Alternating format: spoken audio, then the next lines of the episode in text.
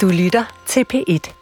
Øh, Michael og Lasse, kender I det der med, øh, man siger, at sandheden kommer fra øh, børn og fulde folk? ja, da, altså jeg har da hørt masser af sandheder fra Lasse. Altså i, i litermål, faktisk. Ups. Hov, Reiter. Can you hear me now? Yes, yes, we can hear you. Okay. Wir werden kämpfen. Ich werde kämpfen. Und Zukunft passiert nicht einfach, sondern Zukunft wird gemacht. Die SPD steht dafür bereit. I den her uge førte det tyske campaign trail lugt ind i en teltlejr. De tyske spidskandidater de har øh, været i debat.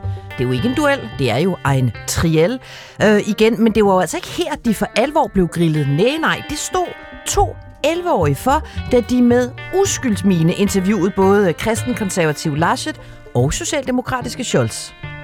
Altså, Is Putin en Mörder? Ja, er Putin egentlig en morder? De to børn de fik i den grad øh, sat dagsordenen i den tyske valgkamp her en uge fra målstregen, og det er nok især gået ud over Angela Merkels partifælle og jo altså potentielle aftager øh, Armin Laschet. Spørgsmålet er, om CDU de faktisk kan nå at vende øh, den kristen-konservative skude. Øh, hvis de vil, så har de travlt. De vil gerne. Spørgsmålet om de kan nå det. Der er valg på næste søndag. Velkommen til Stjerner Striber tager til Tyskland til stede her i podcastbutikken i dag. Der er selvfølgelig Michael Reiter, øh, Tysklands korrespondent. Wie geht's, Reiter? Ach du, es geht wunderbar. Es ist ein schöner Tag in Berlin. Ich bin froh und happy. Wie geht's dir, Steffi? Jamen, det går også godt, men det er en trist gråværsdag i København, så jeg er ikke lige så happy, som du er. Det må jeg bare sige. Men det kan jeg mærke, det bliver jeg nu, for nu er vi ligesom i gang med, med dagens uh, podcast. Og øh, her i studiet i København foran mig, der står uh, Lasse Engelbrecht, udlandsjournalist, hushistoriker og godt humør i dag. Ich war auch froh und happy, men øh, så noterer jeg mig, at Reiter synes, at jeg er enten fuld eller et barn, og så nu har jeg det lidt anderledes. Lasse, far. Øhm, du står jo faktisk lige nu øh, med det ene ben på vej ud på dette famøse øh, tyske campaign trail, som vi jo følger med største begejstring. Hvad glæder du dig egentlig mest til? Åh, oh, oh, jeg glæder mig til at... Åh, oh, oh. Ja. Stephanie, altså han skal til München, det er det, han prøver at sige. Det er på, det er på med læderbuksen, og så er det øl i literkrus ved lange bænke. Altså, det er jo det, det handler om. Det er fuldstændig rigtigt. Det fulde barn skal ned og prøve at lære lidt om, om Tyskland, og jeg er faktisk ret spændt på, hvordan det hele ender. Nu har vi gået og glået på det her i en måned. Flere måneder, faktisk. Jeg, er bare lidt, jeg vil bare sige, at jeg er lidt misundelig. Jeg elsker München, og lige nu, vi ved det ikke med sikkerhed, men det ser ud til, at jeg skal øh, stå i et eller andet sted i nærheden af Køln og Dome øh, og berette om øh, CDU. Vi ved det ikke nu, men der vil jeg bare sige, jeg tror, du får en fest i München. Nå. Altså, der er også mange gode bryggerier i Køln, vil jeg bare lige sige som en indskudt bemærkning. Det ved jeg godt, Michael Reiter, og ved du, hvem der har lært mig det? Det har en, jeg vil lade ham være øh, anonym, en korrespondentkollega, som på et tidspunkt satte mig på en bænk i Berlin og introducerede mig for begrebet kølsch, altså små fadøl fra øh, Køln. Hvad var det, 47 af dem? Det føltes som 67 af dem, kan jeg Michael ikke Reiter. huske noget af. Nej, kan jeg det kan noget. jeg næsten heller ikke. Nå, her i studiet og pinligt ædru, der sidder altså Lasse Bav til rettelægger ekstraordinær, og øh, undertegnet Stephanie Suryk, korrespondent med fortid i blandt andet øh, Paris og Washington, og så altså øh, et par lidt våde aftener i Berlin, også på kontoen. Betrachtet uns als eure Versuchskaninchen. Nå, vi begynder jo med en uh, interviewsituation, og der vil jeg simpelthen sige, uden sidestykke i moderne mediehistorie. Armin Laschet von der CDU möchte Bundeskanzler werden. Det her, det handler om 11-årige Romeo og 11-årige Pauline. De har fået en opgave af tv-programmet Late Night Berlin, som bliver sendt på tv-kanalen Pro7. De skal interviewe kanslerkandidaterne. Øh, de interviews, de er så kommet ud i den her uge, og man kan sige, det begynder jo sådan set stille og roligt. Hallo, Herr Laschet. Hallo, Pauline. Hallo. Hallo, Romeo. Jamen, det er jo så nuttet, ikke? hallo, hallo. Lasse, kan du ikke lige... Øh, kan du ikke lige tage os med ind i teltet og forklare selve setup'et, inden vi går i gang med selve interviewet? To glupske ulve i forklæder, der kan man roligt sige. Hallo.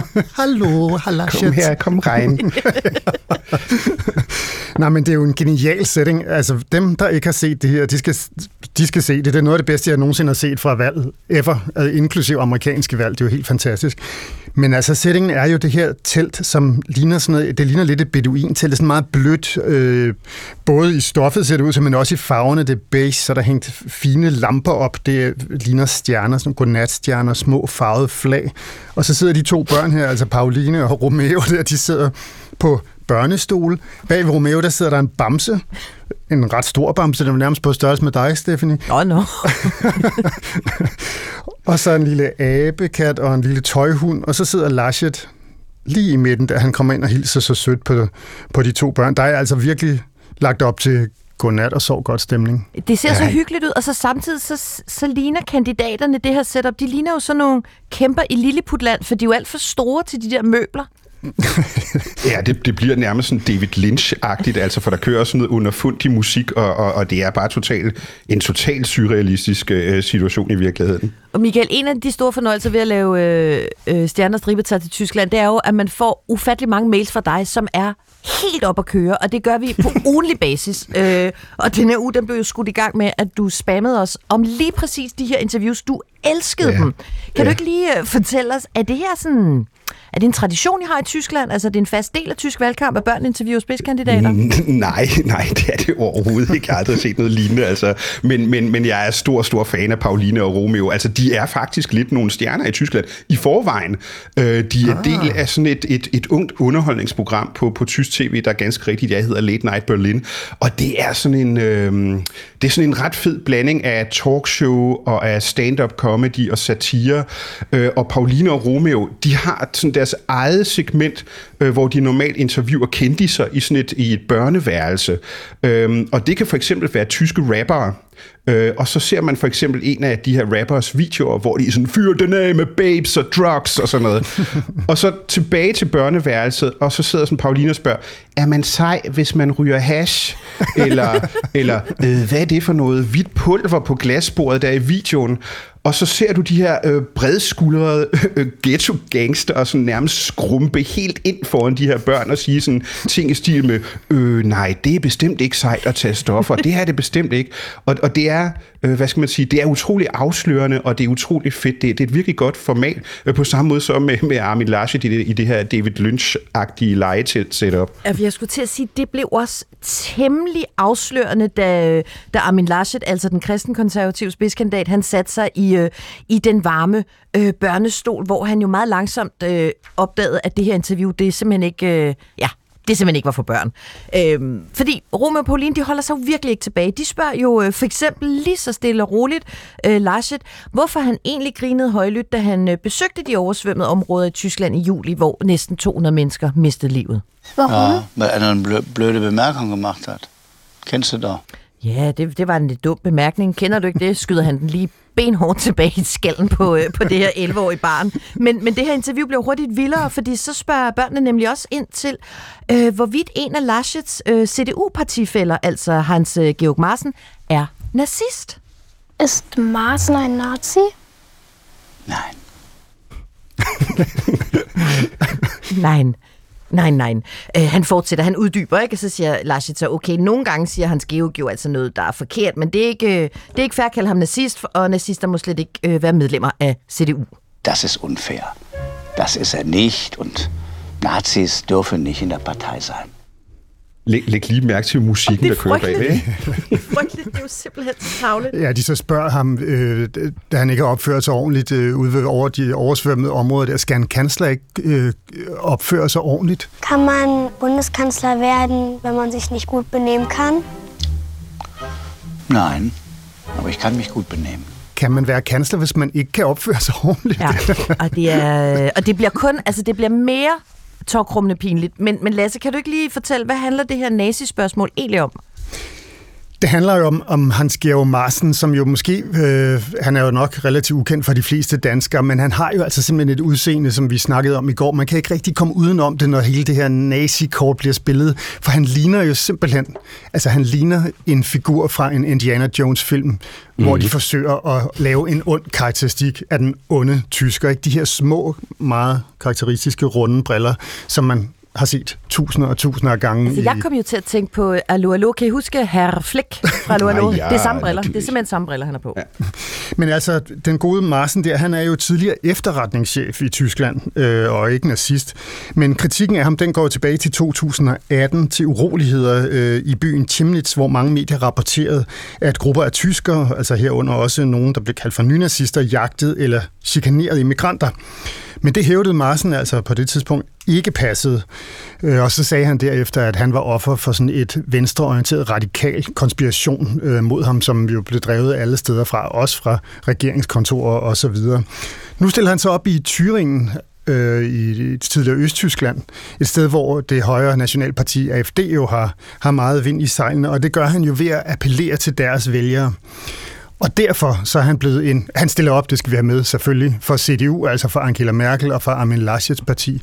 Og det har jo gjort, at folk har øjnene rettet på ham, og han er en svær figur for sådan en som Armin Laschet at, at skulle forholde sig til. Er han en, Ja, han- ja, jeg skulle til at spørge dig, Reiter. Er han en øm tog her i Lassits uh, Ja, valgkampagne? han, er- han er i den grad en, en, en torn i siden på, på Armin Laschet, og sådan et problem, der bare ikke vil, vil, vil gå væk, fordi, at han, øh, fordi Marsen siger præcis, hvad der passer ham af, af de her ret sådan, højorienterede synspunkter, han har.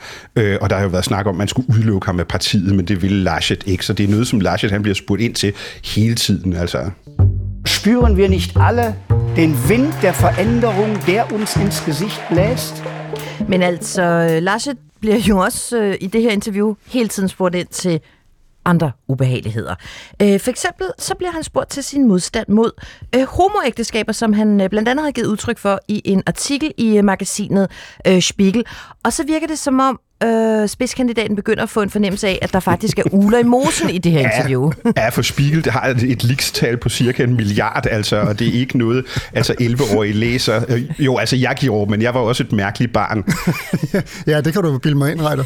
Men altså, Romeo sidder der med sine store brune øjne og sine store bløde krøller og siger, at han har læst det i Spiegel. Og så siger Laschet en lille smule spydigt. Du hast schon den Spiegel vor so langer Zeit gelesen, das ist aber toll. Ah, du har altså læst det gamle nummer af Spiegel. Det er godt nok, nok. sejt, var. Det tror vi ikke på. Nej, men så forsvarer øh, lille Romeo sig jo bare. Vor Ich einigen Jahren. Und du hast das gegoogelt. Aha, na gut. Ja, det går med dig. Du har googlet det, Romeo. Gud har du ej. Øh, Lasse, her der går det jo op for Laschet, at øh, de her børn jo muligvis slet ikke er dem, der faktisk interviewer ham. Øh, tror du, at de har en øresnegl i, og der i virkeligheden er nogle voksne, der sidder og siger til børnene, hvad det er, de skal sige til Laschet? Jeg vil i hvert fald sige det sådan, at hvis ikke de havde øresnegle i, så er de nok de største talenter inden for inkvisitorisk journalistik, der, der går rundt på denne grønne jord. Fordi det er jo helt vanvittigt, hvordan det her det foregår. Det er hele vejen igennem super skarpe spørgsmål, men hold i den der tone. Det er mig egentlig lidt en gåde, hvordan de, er sådan, øh, hvordan de har sat det hele i scenen. Nu har jeg så læst mig til i deres Spiegel, sjovt nok, at at øh, tv-stationen, der står bag det her, jo faktisk siger, at ja, de havde faktisk øh, øresnegle men det er jo fuldstændig ligesom alle andre journalister, der, der interviewer folk. Så det ved vi, at de faktisk havde, uden at vi ved præcis, hvad der blev sagt til dem. Altså, Laschet var jo, for nu at sige det på godt dansk, altså skide sur over det her bagefter. Ifølge Velt, der sagde han lige, da han kom ud fra interviewet, sådan her taler børn ikke. Øh, de havde sådan en snegl i øret. Øh, synes I egentlig, Michael, er det cool, altså hvis man bliver spurgt, om man vil interviewe sig nogle børn, og man så opdager, at man i virkeligheden bliver interviewet af voksne journalister, er det så ikke brud på en aftale? Det som, øh, nu er jeg jo ikke gået på journalisthøjskolen, men det som man på journalisthøjskolen hvis nok kalder for en kontrakt. Nå, men altså, som, som Lasse lige så godt forklarede, øh, så har ProSieben jo, altså tv-stationen, sagt, at, at, at ja, altså de blev øh, øh, støttet redaktionelt også under optagelserne, altså med andre ord, det er rigtigt nok, at, at der blev sagt ting til dem. Øh, men ProSiebens forsvar er jo også, altså, er det også voksne tv-journalister har øresnegle i under interviews, så hvorfor skulle børn ikke? Er det unfair? Er det et brud på en kontrakt? Altså for mig at se, der ligger fejlen klart hos Armin Laschet, eller den ligger snarere hos hans presserådgiver, hans spindoktorer. De burde jo have vidst, hvad det det her format står for. Som sagt, det er et kendt tv-format. De burde have vidst, hvad der foregår under de her øh, interviews, at der kommer vilde og kritiske spørgsmål, at man bliver klædt af. Øhm, Olaf Scholz, altså kandidaten fra SPD, var den første, og han klarede sig meget bedre. Laschet var åbenbart ikke briefet, og derfor så bliver han sur. Altså, han sidder i det her telt og ligner mere og mere sådan en ulv, der vil æde de her børn, og han sidder sådan, ah, nærmest så knytter hånden og kigger ud forbi kameraet til en eller anden stakkels spindoktor ude i kulissen, der har placeret ham foran det her kamera. Men han kunne i mine øjne, og han burde have håndteret det her bedre. Det er virkelig pinligt, fordi på et tidspunkt er han så sur, at han ikke engang kan svare pænt på sjove spørgsmål, når de her børn siger, Nå, men Laschet, hvis du nu var en drage, hvad ville du så gerne hedde? så han er allerede blevet så sur, at han bare siger, det ved jeg ikke. Næste spørgsmål. Wie würdest du heißen, wenn du ein Drache wärst? Äh, pff, keine Ahnung. Wie heißen denn Drachen? Vielleicht Feuerzauber oder so. Weiß ich nicht. Men, men der er jo også kommet noget ballade, øh, fordi det viser sig, at øh, den her fyr, som egentlig står bag programmet, måske øh, i virkeligheden har øh, socialdemokratiske tilbøjeligheder, Lasse. Ja, altså det har jeg faktisk forsøgt at undersøge, Reiter, så håber jeg, at du kan, du kan hjælpe med at få det, det opklaret. Og nu kan jeg se, jo, Claus Højfer Umlauf hedder han jo, manden bag konceptet, så vidt jeg kan forstå. Og han bliver jo flere steder, blandt andet i Der Spiegel, beskrevet som en sympatisør af Socialdemokraterne, altså en mand, som politisk set gerne vil støtte Armin Laschets modstander, Olaf Scholz, som er mange blevet bedømt til at klare den her test væsentligt bedre. Øh, har du læst eller ved mere om det, Reiter? Jamen, altså, jeg har læst det samme. Jeg ved ikke, hvad, hvad, hvad der nu skulle kendetegne ham som en, som en SPD-tilhænger. Jeg ved kun, at altså, han er ikke aktiv medlem af partiet, øh, og, og, og hvordan de her sympatier er kommet udtryk, til udtryk i givet fald, det ved jeg, det ved jeg ærligt talt ikke. Altså vil jeg også bare sige, at jeg synes, at prøve at komme ud som kanslerkandidat, i det her tilfælde Armin Laschet, og brokke sig efter det her interview, det er jo så absurd, fordi Scholz går ind på de præcis samme præmisser. Du bliver jo nødt til at være i stand til at sidde og tale stille og roligt med to små nuttede børn i telt. Hvis ikke du kan det, hvordan har du så tænkt dig at tale med øh, Joe Biden eller Putin eller andre diktatorer i verden? Men altså, jeg må sige, jeg er sådan set også enig med dig, Michael, i, at der burde have været en spindoktor, der havde stillet sig meget hårdt op på bremsen her, fordi alene det at putte en grænvoksen mand i jakkesæt ind mellem sådan nogle bitte, bitte små bamser og børnemøbler, alene det billede er jo et, det er jo et dårligt billede. Altså et skidt billede at have løbende rundt i en valgkamp. Nå, ja. jeg kan godt tænke mig, at vi lige runder endnu en ting. Vi skal selvfølgelig også tale om deres øh, grillning af, af Scholz. Men endnu en ting, som de her børn nu altså øh, sat efterhånden øh, stærkt svidende Armin Laschet øh, ud for. De vil nemlig gerne lige høre, om han også har tænkt sig at stoppe med at ryge. Ja, das stimmt, aber es ist so vieles ungesund. Und ich rauche die nicht auf Lunge. Jeg sidder og vipper frem og tilbage til musikken. Men det gør de Musikken nemlig. er genial. Åh, oh, ja, men det er også rigtigt. Det er jo usundt, det er der så meget, der er. Og så kommer der jo altså et citat, som for mig jo samler utrolig meget international politik på meget lidt plads. Jeg inhalerer ikke. Minder, minder det jer om noget? Ja, det minder os jo om øh, en af de mest ikoniske øjeblikke i amerikansk politik, ikke? Mm. hvor øh, Bill Clinton sagde, at ja, han havde jo, det var som da han var kandidat til at blive demokraternes kandidat, så altså lang tid før han blev præsident, sagde til, til nogle journalister, at ja, han havde øh, prøvet at suge hash ind i munden, Men og så pustede han det ud igen, uden at tage det ned i lungerne. Så det er jo blevet sådan en berømt klip. I experimented with marijuana a time or two, and I didn't like it, and didn't inhale, and never tried it again. he didn't inhale, og Laschet, han uh, rauch nicht auf Lunge. Ja. Det er ikke lige det billede, man har lyst til at fremkalde, den der association til Bill. Clinton og marihuana, når man vil være tysk kanslerkandidat. Jeg siger det bare. Den er ikke god, den er ikke god. war ein sehr gutes, ein sehr freundschaftliches Gespräch. Lad os så lige kaste os over Scholz, fordi han var jo altså også i kløerne på de her to øh, kinderreporter. Og her der går øh, Romeo og Pauline jo på 11 år altså også til stålet. Øh, I hvert fald i begyndelsen. Hvad mener Scholz om flygtningssituationen? Hvorfor må små børn gerne drukne i Middelhavet? Hvorfor må italienske børn gerne komme til Tyskland, men helst ikke børn fra Ghana? Og så videre, og så videre. Øh, hvem synes Scholz egentlig er klogest? Merkel eller Laschet?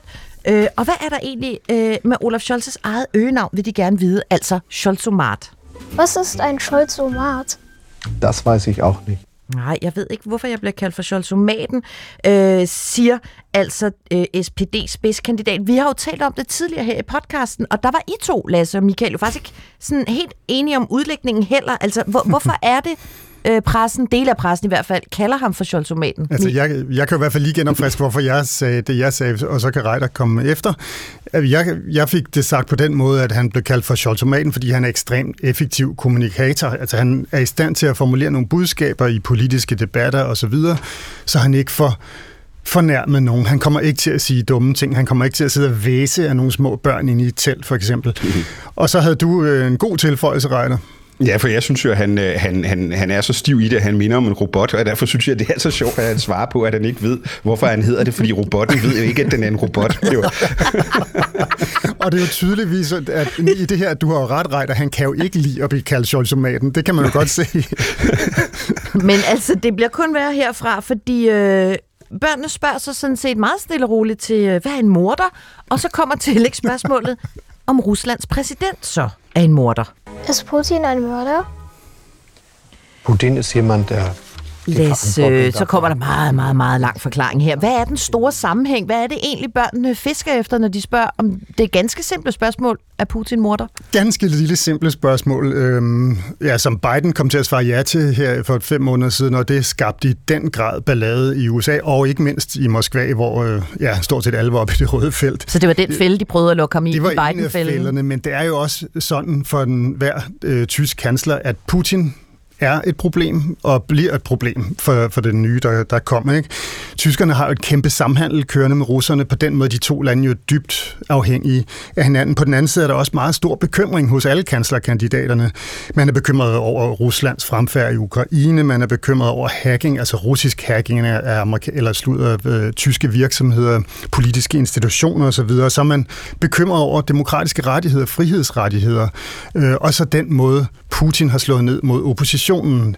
Man kan måske huske, at da Navalny, den kendte oppositionsleder, blev forgiftet, øh, jo formodentlig af den russiske efterretningstjeneste, ja, så var han i Tyskland og blive behandlet. Så det er helt fremme på den tyske dagsorden. Og den første opgave, eller en af de helt store opgaver for en tysk kansler, den nye tyske kansler, bliver jo at formulere, definere en politik mellem Tyskland og Rusland, eller mellem EU og Rusland. Og der er det så ikke super godt at sidde i et telt med nogle små børn og kalde Putin for en morder, det må man bare sige. Det Ej, jeg, tror også, at, jeg tror også, at det er et, et, et særdeles øm punkt i virkeligheden for Olaf Scholz og for Socialdemokraterne, som de her utrolig begavede 11-årige, de, de sætter spørgsmålstegn ved, at Putin er en morder, fordi at de tyske socialdemokrater har, hvad skal man sige, et, et lidt blødere forhold til, til, til, til, til Rusland, øh, øh, øh, at, at går meget op i, i, i en, en, en, en, en politik baseret på dialog med Putin, mere end, mere end andre partier måske vil. Så det er sådan lidt, der er nogen, der synes, de er lidt for flinke over for russerne, så, så derfor gør det lidt ekstra ondt, tror jeg, på Scholz, når han bliver spurgt til, om Putin er en morder. Men han klarede det til gengæld rimelig godt, vil jeg sige, fordi man skal jo lige se det der klip. Altså først spørgsmål om, hvad er en morder? Det forklarer han så lige så fint til Scholz. Så er der lige stille et par sekunder, så kigger han op, den lille Romeo der. Er Putin en morder? Det er jo genialt. Altså, og det er der, man tænker, der må simpelthen sidde en eller anden sned i ræd i, i øret på ham. Ikke? Man kan i hvert fald se Scholz lige blinker meget hurtigt fem gange, sådan, og så begynder han at svare. Han bliver jo også spurgt om søde ting, Michael. Hvilken Pokémon vil du helst være? Vil du egentlig helst være en smølf eller en, en Pokémon? Og Laschet får jo også den type spørgsmål, altså hvad vil du hedde, hvis du var en drage?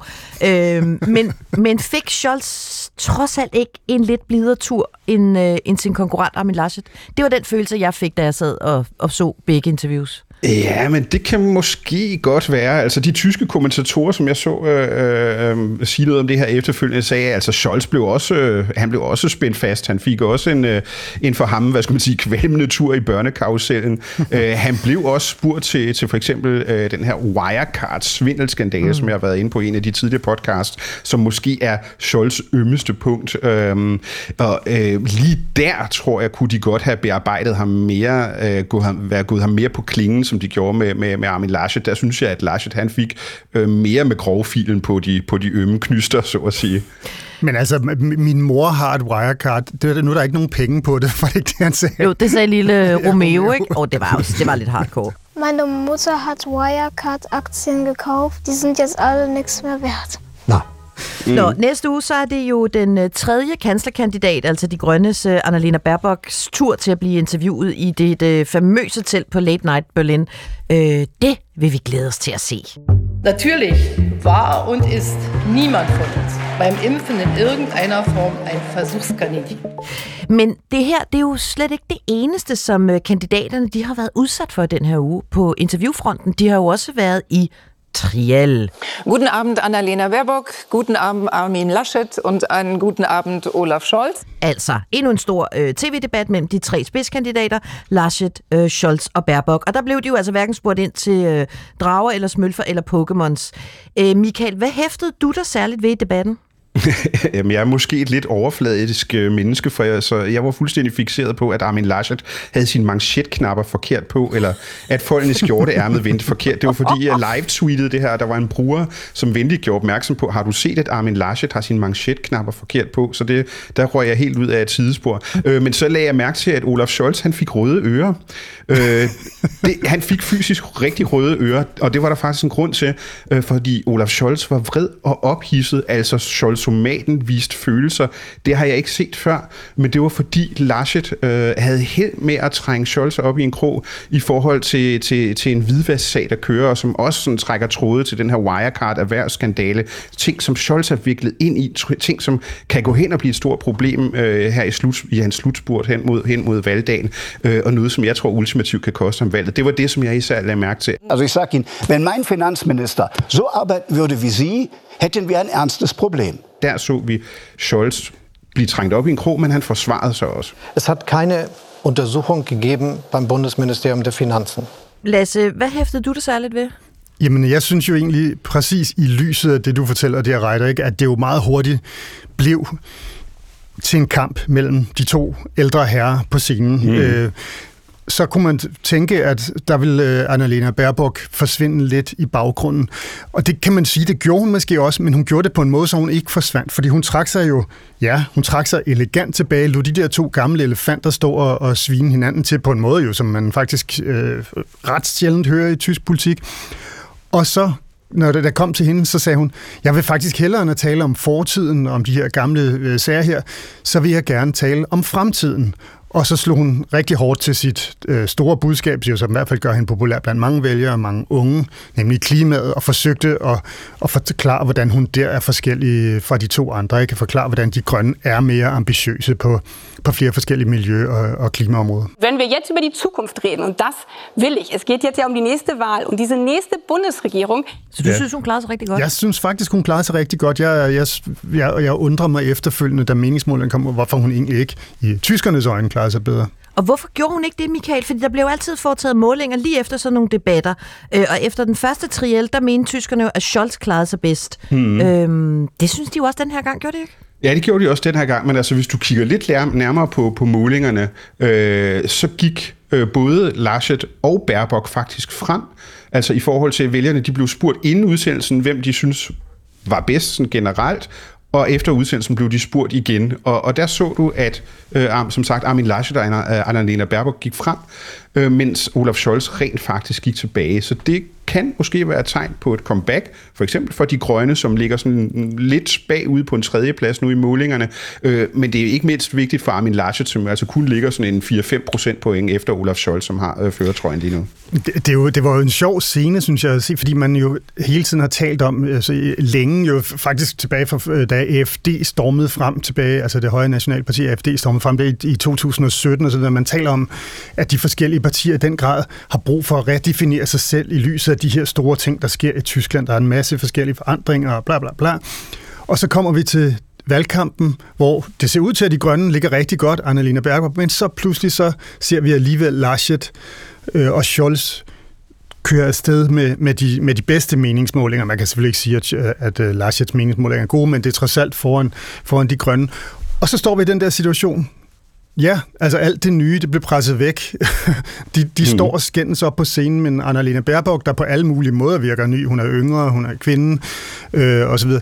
Ja, hun får den der lidt, øh, jeg må ikke engang kalde sekundær rolle, hun står nummer tre, ikke? Er det, jeg skulle til at sige, Michael, er, er det det med, øh, som jeg synes, vi har talt om mange gange, både mellem linjerne og på linjerne, at øh, tyskerne i virkeligheden er lidt mere trygge ved det gammelkendte, det, det de, altså, så de godt ved, hvad de får? Ja og nej. Altså, jeg tror i virkeligheden, at tyskerne gerne vil have en eller anden form for opbrud, de vil gerne have noget nyt øh, efter Angela Merkel. De, de kunne mærke, at der var et behov for at, at genopfinde sig selv, genopfinde Tyskland på en eller anden måde. Så jeg mærkede en meget stærk udbredet, altså lyst til, til, til det nye. Men, men så fik de præsenteret tre, tre kanslerkandidater, som ikke rigtig, som de ikke rigtig synes, hvad kan man sige, kunne udfylde Merkels sko, og ikke havde nogle øh, karaktermæssige, nogle personlige svagheder. Øh, blandt andre Annalena Baerbock, som jeg tror, hvad skal man sige, fik dem til at trække sig tilbage i det konservative sneglehus igen og sige, uh nej, det er alligevel lidt for mærkeligt det her med hende Annalena Baerbock. Hun har sørme sminket sit CV og ikke opgivet nogle biindtægter. Uh, hvad vil hun måtte være for en kansler? Øh, og så, og så, så vender de tilbage til, til de to, der mest minder om Merkel, nemlig Laschet og, og, og Scholz. Øh, så, så jeg tror, det spiller en meget stor rolle. De ville egentlig gerne noget nyt, men de tør det ikke helt, fordi at de netop er så fokuseret på, på, på stabilitet og mere af det samme. Men vi så jo en meget angrebsløsten Laschet i debatten, og vi så også øh, Scholz få lidt mindre gode anmeldelser øh, fra tyskerne efter mm. den her øh, debat, end efter den forrige. Øh, kan, kan øh, ja, jeg ved godt, du ikke er sporkonretter, men kan Laschet nå det? Altså, har vi undervurderet ham? Ja, altså jeg tror, at der er flere grunde til, at man ikke skal, skal afskrive Armin Laschet, øh, selvom han kan, kan virke lidt som, som, som en, en alt for stor bamse i et legetelt. Altså, øh, altså for det første, så skal du huske på, at der er op mod 40 procent af tyskerne, som, som stadigvæk ikke har bestemt sig for, hvor de vil sætte krydset.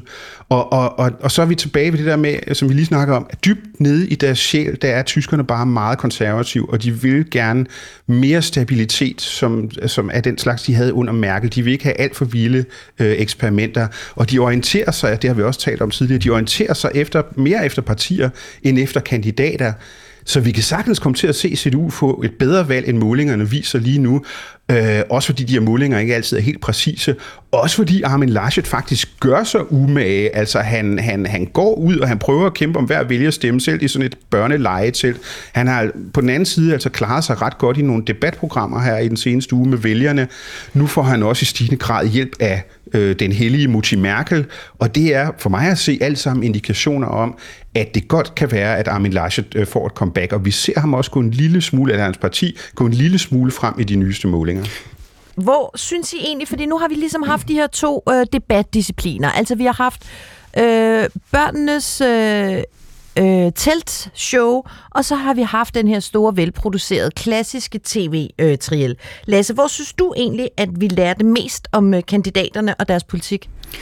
Øh, uden tvivl hos børnene, synes, synes jeg. det? Ja, altså hvis vi taler politisk indhold helt konkret, så, så gjorde vi det nok ikke. Men i forhold til at være en politiker, der er klar, når man skal være klar, så synes jeg, det der børneformat er, er noget af det vildeste, jeg nogensinde har set. Det pressede jo dem begge to, og viste alle med klar tydelighed, hvor hurtigt de er til at omstille sig en situation, når de pludselig fatter, hvad det er, de sidder midt i. Hvad, ja, hvad med dig, Michael? Hvor, blev Jamen, du, hvor lærte du noget?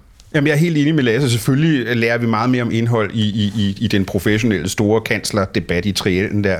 Men man kan sige, at de øh, professionelle parader, som virker i sådan en triel, de fungerer bare ikke over for børn, som, øh, øh, i modsætning til over for voksne journalister. Altså de her børn ser lige igennem dig, og de skaber sådan en anden ærlighed, som jeg synes var utroligt forfriskende også.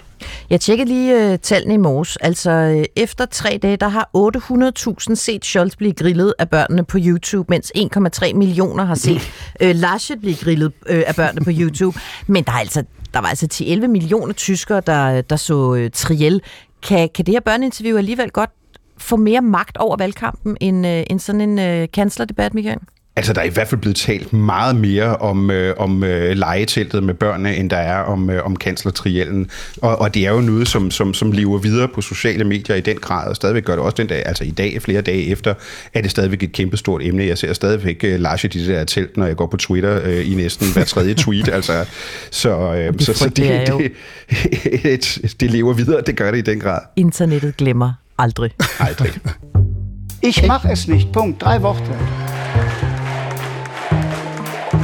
Og apropos børn, som øh, stiller kritiske spørgsmål, så er øh, formanden for Højrefløjspartiet, altså Alternative for Deutschland, som en også blevet grillet af et barn, altså et tredje barn, i en video, som øh, blev offentliggjort i den her uge. Det vrimler jo altså åbenbart øh, med børnereporter på det tyske kampagnespor. Øhm, og Lasse, inden vi skal høre øh, formand fra AFD kom galt afsted, kan du så ikke lige minde os om, lige sådan, hvem er det nu, øh, AFD er, for de har jo ikke gjort sig så bemærket igen i den her valgkamp. Nej, det er jo det parti, der blev jo faktisk øh, skabt i kølvandet på finanskrisen, da Europa pludselig stod og skulle til at bale grækerne ud, altså betale for grækernes øh, kæmpestore budgetunderskud.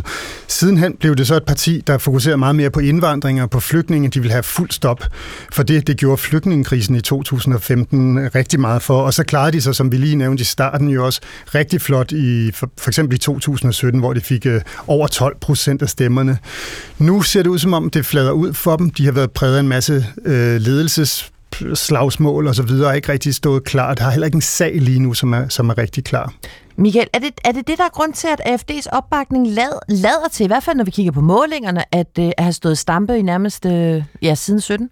Ja, altså stod i stampe er i hvert fald rigtigt. De er stabile, de har indrettet sig, kan man sige, øh, trygt og godt i et hjørne af, af, af tysk politik, hvor, hvor, hvor de ligesom har nogle trofaste stamvælgere. Øh, når de ikke går frem, så er det rigtigt, de er, et, altså, de er, de er jo et protestparti med et, med et stort emne, nemlig det antimigranter, øh, og det er bare ikke så presserende mere. Øh, men de er jo også pladet, som Lasse øh, så rigtigt sagde, de her interne stridigheder om, hvilken vej de skal gå. Nogle vil længere ud på højrefløjen, og det er de, de dominerende kræfter i partiet, og den anden fløj siger, ah, vi er sgu sådan rimelig hardcore nok, så lad os blive her, hvor vi er, før vi skræmmer flere vælgere væk. Øh, og så har du også det, det fænomen, at dele af partiet er under overvågning af den tyske efterretningstjeneste. Det har nogle vælgere, det er nok lidt stramt med, så det, det er min forklaring på. En lille detalje. Og hvorfor er Øh, det det, Michael? Jamen det er fordi, at, at man mener, at der er nogle, nogle, nogle højere ekstremistiske grupperinger i partiet, som er ved at overtage, eller har overtaget magten i partiet, øh, og som, som, som, vil, som vil omstøde det tyske demokrati basalt set. Ja, altså Hans Georg Marsen, vi talte om tidligere, som er altså CDU, og man prøver at appellere til nogle af AFD's vælgere. Han har jo for eksempel fået støtte fra en, en meget prominent nynazist i, i Tyskland her i forbindelse med det her valg, ikke? så det, ja, kontakterne er jo tætte mellem yderfløjene og det parti. Men så kan man sige, at altså, AFD jo også har prøvet den her valgkamp måske at sige, øh, hvad kan, hvad, hvad, hvad kan vi mere finde på, måske for at få sådan en lidt mere blød profil? Og så, jeg ved ikke, hvem der har sat sig ned i den der idéudvikling og sagt, øh, hvad, hvad, hvad skal vi også gå til valg på, ud over det med indvandrere? Men der er i hvert fald nogen, der har sagt, flere digte på skoleskemaet. Og den er skide god, blev de enige om. Flere, vi skal simpelthen have flere digte øh, på skoleskemaet, og sørge mig om ikke så, at øh, tv-kanalen ZDF jo også har børnereporter. Så en lille fyr fra programmet øh, Logo, han spørger så øh, AFD's formand, øh, hvad partiformandens eget øh, lieblingsgedicht äh, så er. Was ist denn Ihr Lieblingsgedicht eigentlich? Mein Lieblingsgedicht ist, ähm, da muss ich jetzt, müsste ich jetzt mal überlegen, fällt mir jetzt gar keins ein. Uh, ja, det skal, lige, det skal lige tænke over. Det kan jeg slet ikke komme i tanke om lige nu. Det er jo igen dumpe karakterer i en valgkamp. Ja. Altså, det handler jo om, at, at, øh, at, at for lige at forklare det, øh, at Tinus Rupalla fra AFD, han vil have mere tysk kultur ind i folkeskolen. Det er jo også et af AFD's store mærkesager, at, at, at tysk kultur er vigtig og, og, og, og også har mange gode sider, ud over de, de, de, det mørke kapitel øh, fra nazitiden, som de helst vil fejre ind under guldtæppet. Så, så det er derfor, at Rupalla, han siger, at vi skal have flere tyske digte øh, i, i, i den tyske folkeskole. Og så siger den lille fyr der, ah, jeg synes altså, vi har rimelig meget tyske digte. Øh, men hvad er egentlig de tyske yndlinger? Yndlingsdigt. Øh, og at han ikke kan komme i tanke om et digt, det, det, jeg synes, jeg er tykket meget på det her, men det bekræfter jo egentlig hans pointe. det gør det nemlig. at, han ikke kan, at han ikke kan sine tyske digte, så måske skulle vi have flere af dem. Kan vi vores tyske digte, Michael, har du nogen altså, tyske yndlingsdigte? Altså ud over alle Rammsteins tekster, mener du? ja. Ja, altså jeg, jeg har en, en, en, en tysk yndlings, eller det, han er faktisk østriger, øh, men, men, men, men dem, de, de, de er jo også nogle gange ganske populære i Tyskland, jo, hø til hø. Øh, en, en østrisk ekspressionist, øh, som, som blev traumatiseret i første øh, verdenskrig, og som var stofmisbruger og døde af en overdosis kokain, og muligvis begik selvmord. Og, og øh, jeg har altid jo hvem, min hvem lille digtsamling, øh, Georg Trakel hedder han, og jeg har altid min lille digtsamling, jeg har altid min lille digtsamling liggende her, i tilfælde af, jeg får præcis det spørgsmål, så nu læser jeg lige op. ja. O die roten Abendstunden, flimmernd schwankt am offenen Fenster, Weinlaub wirr ins Blau gewunden, drinnen nisten Angstgespenster, Staub tanzt im Gestank der Gossen, klirrend stößt der Wind in Scheiben, einen Zug von wilden Rossen, blitzegrelle Wolken treiben. Okay. Det er jo uhyggeligt nærmest. Godnat og sov Spøgelser, godnat. Uh, ja, det, er sådan, det er lidt goth, Michael, er det ikke? Vil du ikke lige jo, prøve, det er en hvordan, smule. hvordan fortolker du uh, det her vers? Ja, men det er jo sådan meget, det kan jeg ikke, fordi det er sådan, han maler nærmest med ord, så det er, det er de røde aftentimer, som flimrer foran mit åbne vindue. Vinens løv er klædt i blåt, inden, øh, indenfor gemmer angstens spøgelser sig. Det, det er sådan lige sådan håndholdt er- oversat. Jeg synes, det er en tung omgang. Altså, Lasse, er du er jo typen, der også går, lige går rundt med sådan en lille lommebog over tysk poesi? I baglommen. Jeg, jeg kan da godt lige recitere et digt eller to, hvis jeg skal være. Ja, Skal, vil, vi har vil du have det på tysk eller på dansk? Det må du selv bestemme. Nå, så tager vi det på tysk. Mit tysk er jo fremragende. Så. Mm. Deutschland, mein Herz in Flammen, will dich lieben und verdammen. Deutschland, dein Atem kalt, so jung und doch so alt. Deutschland. Deutschland kunne man jo faktisk skifte ud med dit navn, Stefan, i det tilfælde her. Ej, hvor er du streng. Men Michael, jeg hørte dig sukke. Hvorfor sukkede du så henført? Ja, fordi det er Rammstein, og det er min, det er min, det er min yndlings Rammstein-sang, det er Deutschland. Nå, jamen altså, prøv at høre, venner. Jeg, øh, jeg har jo også lige tænkt, altså, hvad Tino Schrupala- ikke kunne svare på, hvad vil jeg så sige der? Og der vil jeg jo bare have sagt, øhm, Hast du etwas Zeit für mich? Dann singe ich ein ein Lied, Lied für, für dich, dich. von... Mm,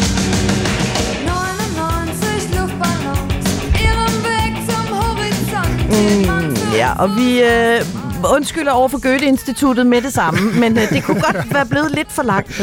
Øh, kære venner, lad mig lige hurtigt runde AFD af. Michael, får de nogen som helst relevans, når der skal dannes en regering øh, i Tyskland?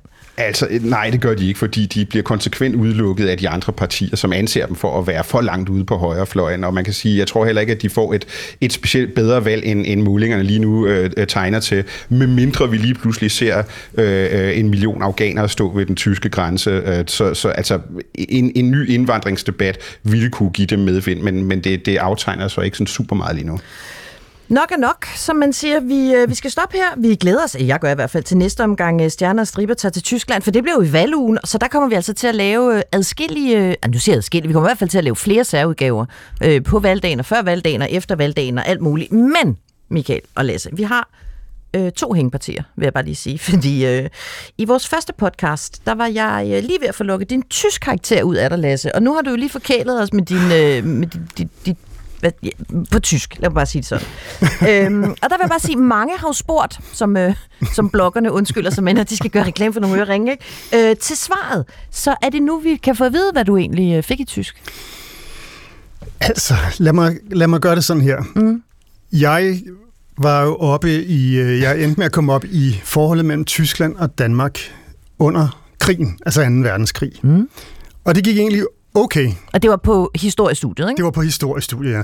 Det gik egentlig ok, indtil sensoren, en sådan rimelig lille, hissig type, han valgte at begynde at krydsforhøre mig. Det her handlede om, hvordan øh, tyskerne brugte Danmark som spisekammer under 2. verdenskrig.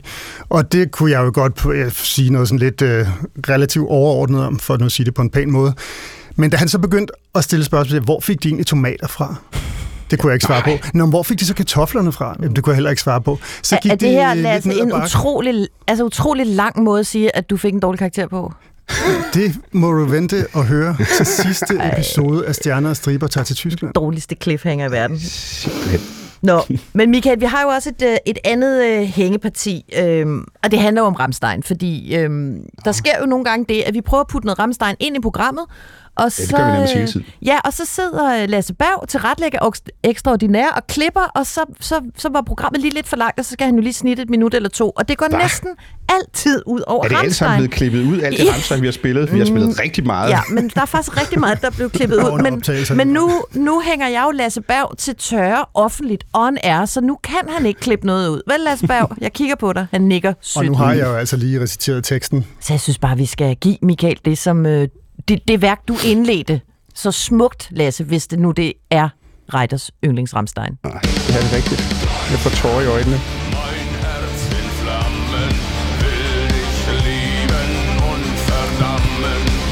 Deutschland. Altså, du er vild med det. Jamen, jeg elsker den her sang. Jeg, jeg får nærmest tårer i øjnene nu. Nå. Jeg er altså mere en Nena-pige. Tyskland, din ånde er så kold. Du er ung, men alligevel så gammel. And on that happy Men- note. Man vil elske dig, men man bliver nødt til at hade dig. Prøv at høre, vi ses alle sammen i Deutschland i næste uge. Det bliver fuldstændig vi. genialt. Og der er valg. Nej, det Der er bliver valg. vildt. Nå Det bliver vildt. Det bliver vildt. Vi ses. Tschüss. Tschüss, Servus, Tschüss.